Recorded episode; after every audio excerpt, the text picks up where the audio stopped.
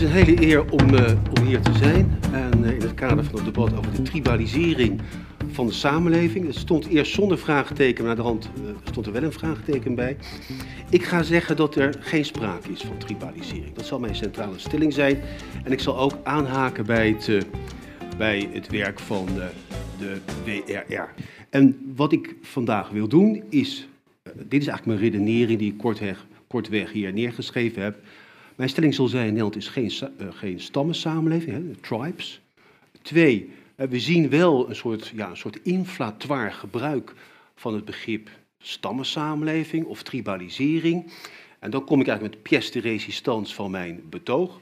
Ik zal uh, een kort ja, zeg maar intermezzo om terug te gaan naar het Amerikaanse debat begin jaren negentig. En ik zal met name dan verwijzen naar het debat over die multiculturele samenleving, de toenemende verscheidenheid.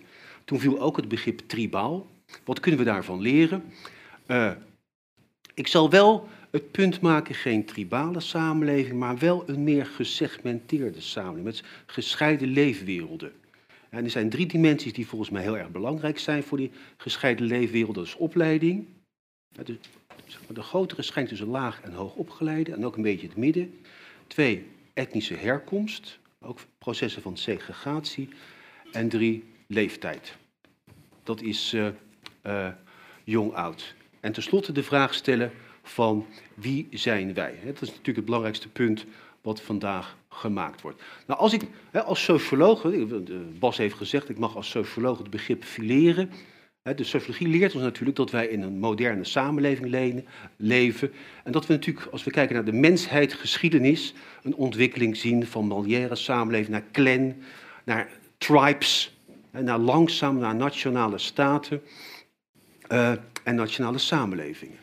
En een tribe, letterlijk, als we het letterlijk nemen, in zijn antropologische betekenis. Dus dan praten we over sterk afgesloten groepen met een heel sterk wij-zij-perspectief met geringe openheid, met geringe relaties naar buiten, dan zou je het begrip tribalisering niet van toepassing kunnen laten zijn op Nederland. Dat is één betekenis van tribe. Andere betekenis van tribe, die in het Nederlandse debat vooral door uh, uh, Philipsen ooit gebruikt is, in 2003, is tribe in de betekenis van specifieke waarden en normen. Dat een tribale samenleving, en hij verwees dan met name naar islamitische tribale samenlevingen, dat die te maken hebben met bepaalde waarden en normen. Dus eh, de groep boven het individu, conflict als een belangrijke vorm van conflictbeslechting, ongelijke relaties tussen mannen en vrouwen, een grote betekenis van de religie eh, en dat soort kenmerken. En eh, als je dat van toepassing zou verklaren op Nederland, dan zie je bepaalde subgroepen die misschien bepaalde kenmerken van vertonen, maar, zeg maar die harde kenmerken van waarden en normen op, op die betekenissen, dat is maar van toepassing op hele kleine subgroepjes in de Nederlandse samenleving. Dat is één. dat is, we kunnen daar, misschien kan ik daar straks nog iets meer over zeggen. Het tweede is uh, het verschillend gebruik van tribalisering. Nou, Bas heeft op zijn minst op drie manieren gedaan. Eén, dan praat ik meer over de verdeelde samenleving, de toegenomen etnische heterogeniteit, de opkomst van allerlei identiteitspolitieke kwesties, Zwarte Piet, als een soort maatschappelijke splijtstof. Dat is één betekenis. Ik denk dat het de betekenis die heel veel gebruikt wordt vandaag de dag. De tweede is, is nog verder of nog wijder, dat is het wegvallen van alle, allerlei overkoepelende bestanden. dus de, de, de, de grote samenbindende verhalen die zijn weg en je ziet dat mensen zich terugtrekken in hun eigen bubbels. De bubbel hebben we ooit, het begrip is natuurlijk bekend geworden van een expat-bubbel. Maar die idee is dat in toenemende mate wij allemaal in onze eigen bubbeltjes verkeren. En dat er geen bruggen worden geslagen ten opzichte van andere groepen. En ten derde, ook dat kwam bij Bas naar voren, is het ontstaan van allerlei illegitieme parallele samenlevingen. Waarin het overheidsgezag niet meer bestaat of getart wordt. Dus Bas nam net al het woord, geïnspireerd door Italië, maffia-achtige maffia structuren. Waar ook gewelddadige elementen een rol spelen. Nou, we hebben dat, het is vrij populair geworden in Nederland, eh, met name in Brabant, als het gaat om de productie van drugs, maar ook de productie van, van drugshandel. Dus het is wel een heel erg ruim begrip geworden. En omdat het zo ruim begrip is geworden, is het, verliest het naar mijn overtuiging aan betekenis. Maar wat is er dan wel aan de hand? kom ik op mijn eigenlijke verhaal. En het eerste is een klein uitstapje naar de Verenigde Staten. Uh, Bas heeft net Hannah Arendt geciteerd. Je ziet ook begin jaren negentig het begrip tribalisme ontstaan. En in een beroemd boekje van Arthur Schlesinger, dat is de biograaf van uh, president Kennedy, uh, sprak over de virus of tribalism. Hij sprak er met name over het ontstaan van de burgeroorlog in voormalig Joegoslavië. Zag de opkomst ook van etnische conflicten in West-Europese samenlevingen ook separatistische bewegingen, dat etnische identiteiten als het ware een vorm van maatschappelijke splijtstof waren. En hij zag het ook in de Amerikaanse samenleving. Je zag het, hè, want in de multiculturele samenleving, hij zei, je ziet een virus of tribalism. Ehm, en hij zag dat als een bedreigende ontwikkeling. En met name de opkomst van de Afro-Amerikaanse bewegingen, die ook als het ware ageerden tegen de geschiedschrijving, ageerden tegen een soort dominante manier van denken en daar radicaal op antwoorden. En wat aardig was van, van Schlesinger, hij zei ja, het is toch een gevaar, want wat is nou het klassieke adagium in de Verenigde Staten? U vindt dat op de dollar, e pluribus unum. Er zit er vast, laat, laat die tenminste onder ons. Ja, hè, dus uit vele één. Op zijn Nederlands zeggen we dat wel eens eenheid in verscheidenheid. En hij zei, wat je, wat je ziet, het, is, het, is, het, het wordt nu een splijtstam en dat idee van de smeltkroes. Allerlei nationaliteiten komen naar, naar Amerika en er ontstaat een soort van eenheid, is toch heel erg belangrijk. En misschien, ik heb het gisteren, of nee, het weekend nog zitten lezen. Dat idee van de melting pot, dat komt uit een toneelstuk van uh, Israël Zangwil. Is een uh, Joods-Russische schrijver. En publiceert dat in 1908. En daar wordt als het ware de, de metafoor gecreëerd van de Amerikaanse smeltkroes. En ik, ik heb het uh, heel vlug vertaald. En het, is een, het blijkt, ik wist het helemaal niet, een soort Romeo en Julia-achtig verhaal te zijn. En de eindscène dat speelt zich af op een daktuin van een Lower Manhattan buurthuis. En op de achtergrond is de Statue of Liberty, badend in het zonlicht. Eh, zonlicht. En dan heb je dan David en Eva. En David zegt dan, daar ligt ze, de grote smeltkroes, luister, kun je het brullen en bruisen niet horen, daar gaapt haar mond, de haven waar duizend mammoetschepen van alle uiteinden van de wereld komen om een menselijke vracht in te nemen, ach wat roerend en kolkend, Keltisch en Latijns, Slavisch en Germaans, Grieks en Syrisch, zwart en geel, Joods en heidens, ja oost en west, noord en zuid, de palm en de den, de pol en de evenaar, de halve maan en het kruis. Hoe geweldig smelt de grote alchemisten samen en verbindt ze met zijn reinigende vlam. Hier zullen alle zich verenigen om de republiek van de mensheid en het koninkrijk van God te bouwen. Ach, Vera, wat is de glorie van Rome en Jeruzalem, waar alle naties en rassen komen om te bidden en terug te kijken, vergeleken met de glorie van Amerika, waar alle rassen en naties samenkomen om vooruit te zien en samen te werken. Nou, die tekst die zal je vandaag in het huidige Amerika niet uitspreken, denk ik. en, maar dit is een heel positief idee van de speldkroes en een soort gezamenlijke toekomst. En uh, president Roosevelt was een enorme fan van dit toneelstuk. Ik wil u deze anekdote niet onthouden. Het was eigenlijk een soort culturele proleet. Maar hij zei, I'm not a Bernard Shaw or Ibsen man. Dat zei hij tegen de vrouw van deze schrijver. No, this is the real stuff. Het was sterk aangegrepen door die metafoor van die smeltkroes.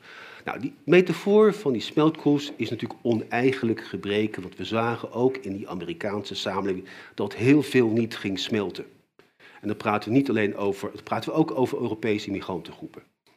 Ook een samenleving met grote mate van ongelijkheid. Niettemin, niettemin, en dat is een stelling voor vandaag, zegt Schlesinger, we moeten dat ideaal, een samenbindend ideaal, moeten we vasthouden. En met name zegt hij dan onze instituties die uh, gelijkheid, gelijke rechten, vrijheid en mensenrechten en democratie prediken. Dat is als het ware het samenbindende ideaal. ideaal. En hij vond dat, zeg maar, dat, dat virus van tribalisme, dat voortdurend het promoten van eigen identiteit, het erkend willen zien van eigen identiteit, en in zekere zin een soort oppositie ten opzichte van andere groepen, dat het destructief zou werken. Nou, daarnaast hebben we, vele jaren later, hebben we de beroemde Putnam gekregen, die onderzoek ging doen uh, naar die etnisch diverse samenlevingen. En die constateert, geen smeltkroes die zegt, je ziet de afgelopen decennia is Amerika steeds diverser en diverser geworden. En wat zien we nu? We zien dat naarmate vooral buurten en regio's diverser worden, zie je een soort terugtrekgedrag.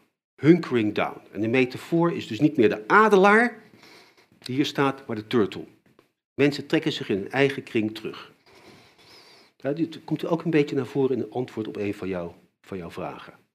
Dit is het, dit is het Amerikaanse debat. Hè. Dus je ziet aan de ene kant, maar beide hebben wel een soort verlangen naar e. Hoe slagen we erin toch bruggen te slaan?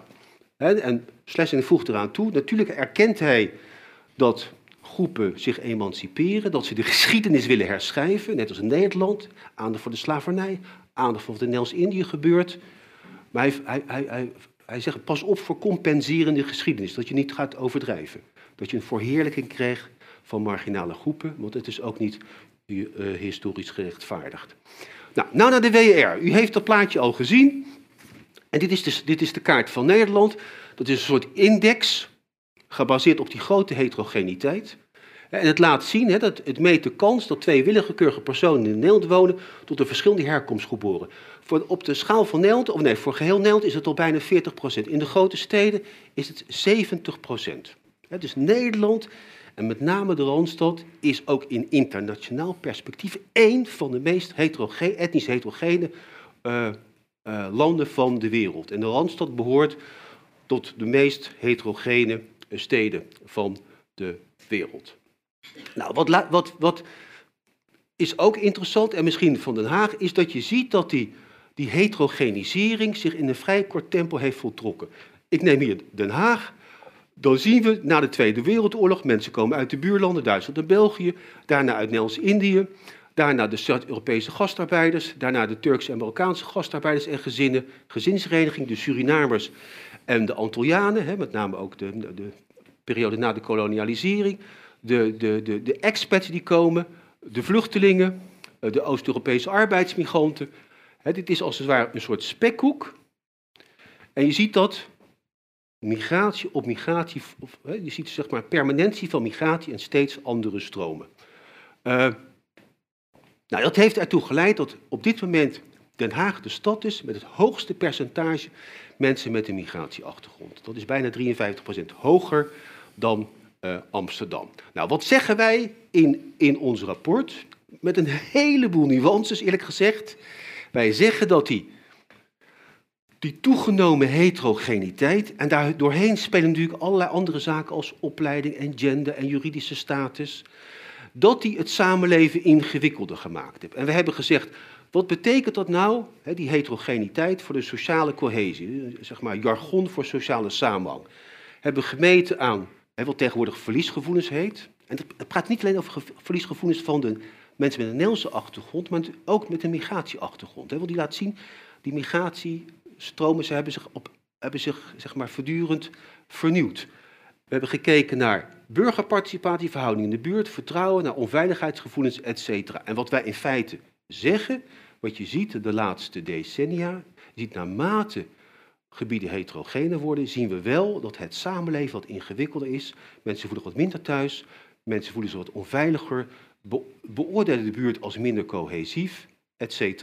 En wij zeggen ook, dat is dus niet iets wat alleen zich afspeelt in klassieke multiculturele wijken als de Transvaal hier of de Schilderswijk, maar ook in expatwijken. Het speelt zich niet alleen af in de grote steden, maar ook in uh, expatgemeenten à la Wassenaar. Het is een soort universeel proces en wij zeggen in feite dat is een nieuwe beleidsuitdaging om daar rekening mee te houden. Hoe faciliteer je het samenleven?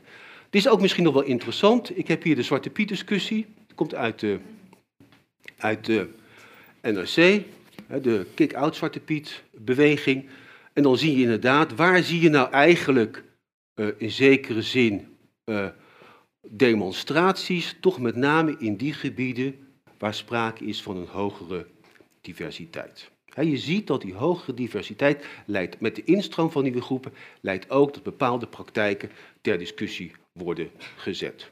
Nou, mijn, wat, wat betekent dat nu? Dus dit is één, ik, één punt wat ik gemaakt wil hebben, is het idee van die, die toegenomen heterogeniteit.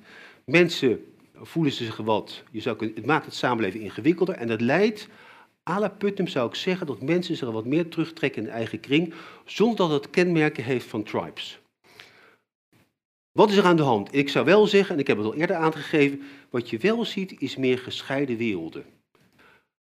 Langs opleidingsniveau, hè, dat is uitvoerig gedocumenteerd. En dat heeft te maken met hoogopgeleide huur met hoogopgeleide, uh, wonen in bepaalde wijken, hebben bepaald werk, hebben grote mate van arbeidszekerheid, versus groepen die dat niet hebben. We zien als het gaat om etnische herkomst in bepaalde gemeenten, bepaalde groepen, toch segmentatie in wijken en ook op scholen. En we zien ook met name jong-oud. Dat is een belangrijk nieuw vraagstuk voor de toekomst. Als je kijkt naar de netwerken van ouderen en jongeren, ontmoeten elkaar in heel beperkte mate. Wat we zien is in toenemende mate, wat ik zou zeggen, living side by... Nee, het is een begrip van Ignatiev, living side by side. Dat je ziet dat groepen naast elkaar leven. Wel eh, in zekere zin living apart. En de grote uitdaging zal zijn, hoe sla je nou bruggen tussen groepen? En ik, ik denk dat dat het grote vraagstuk van vandaag zal zijn. En ik geloof niet dat, dat, dat je dat kan duiden met het begrip tribalisering. Daarvoor zijn ook de bubbels waarin we ons bewegen, naar opleiding, etnische herkomst en leeftijd, te vluchtig en te fluïde. Het zijn niet die, die krachtige clan of die krachtige uh, stamachtige structuren. Nou, wat zie je nou de facto gebeuren? Dat kwam ook heel mooi uit uh, de antwoorden op een van de vragen.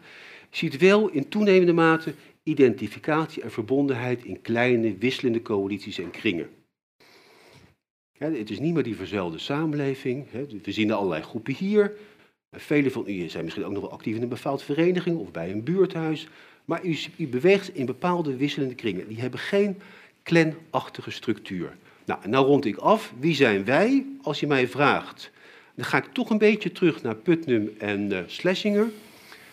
Uh, wie zijn wij? Dan zou ik zeggen wie wij zijn. Wat delen wij?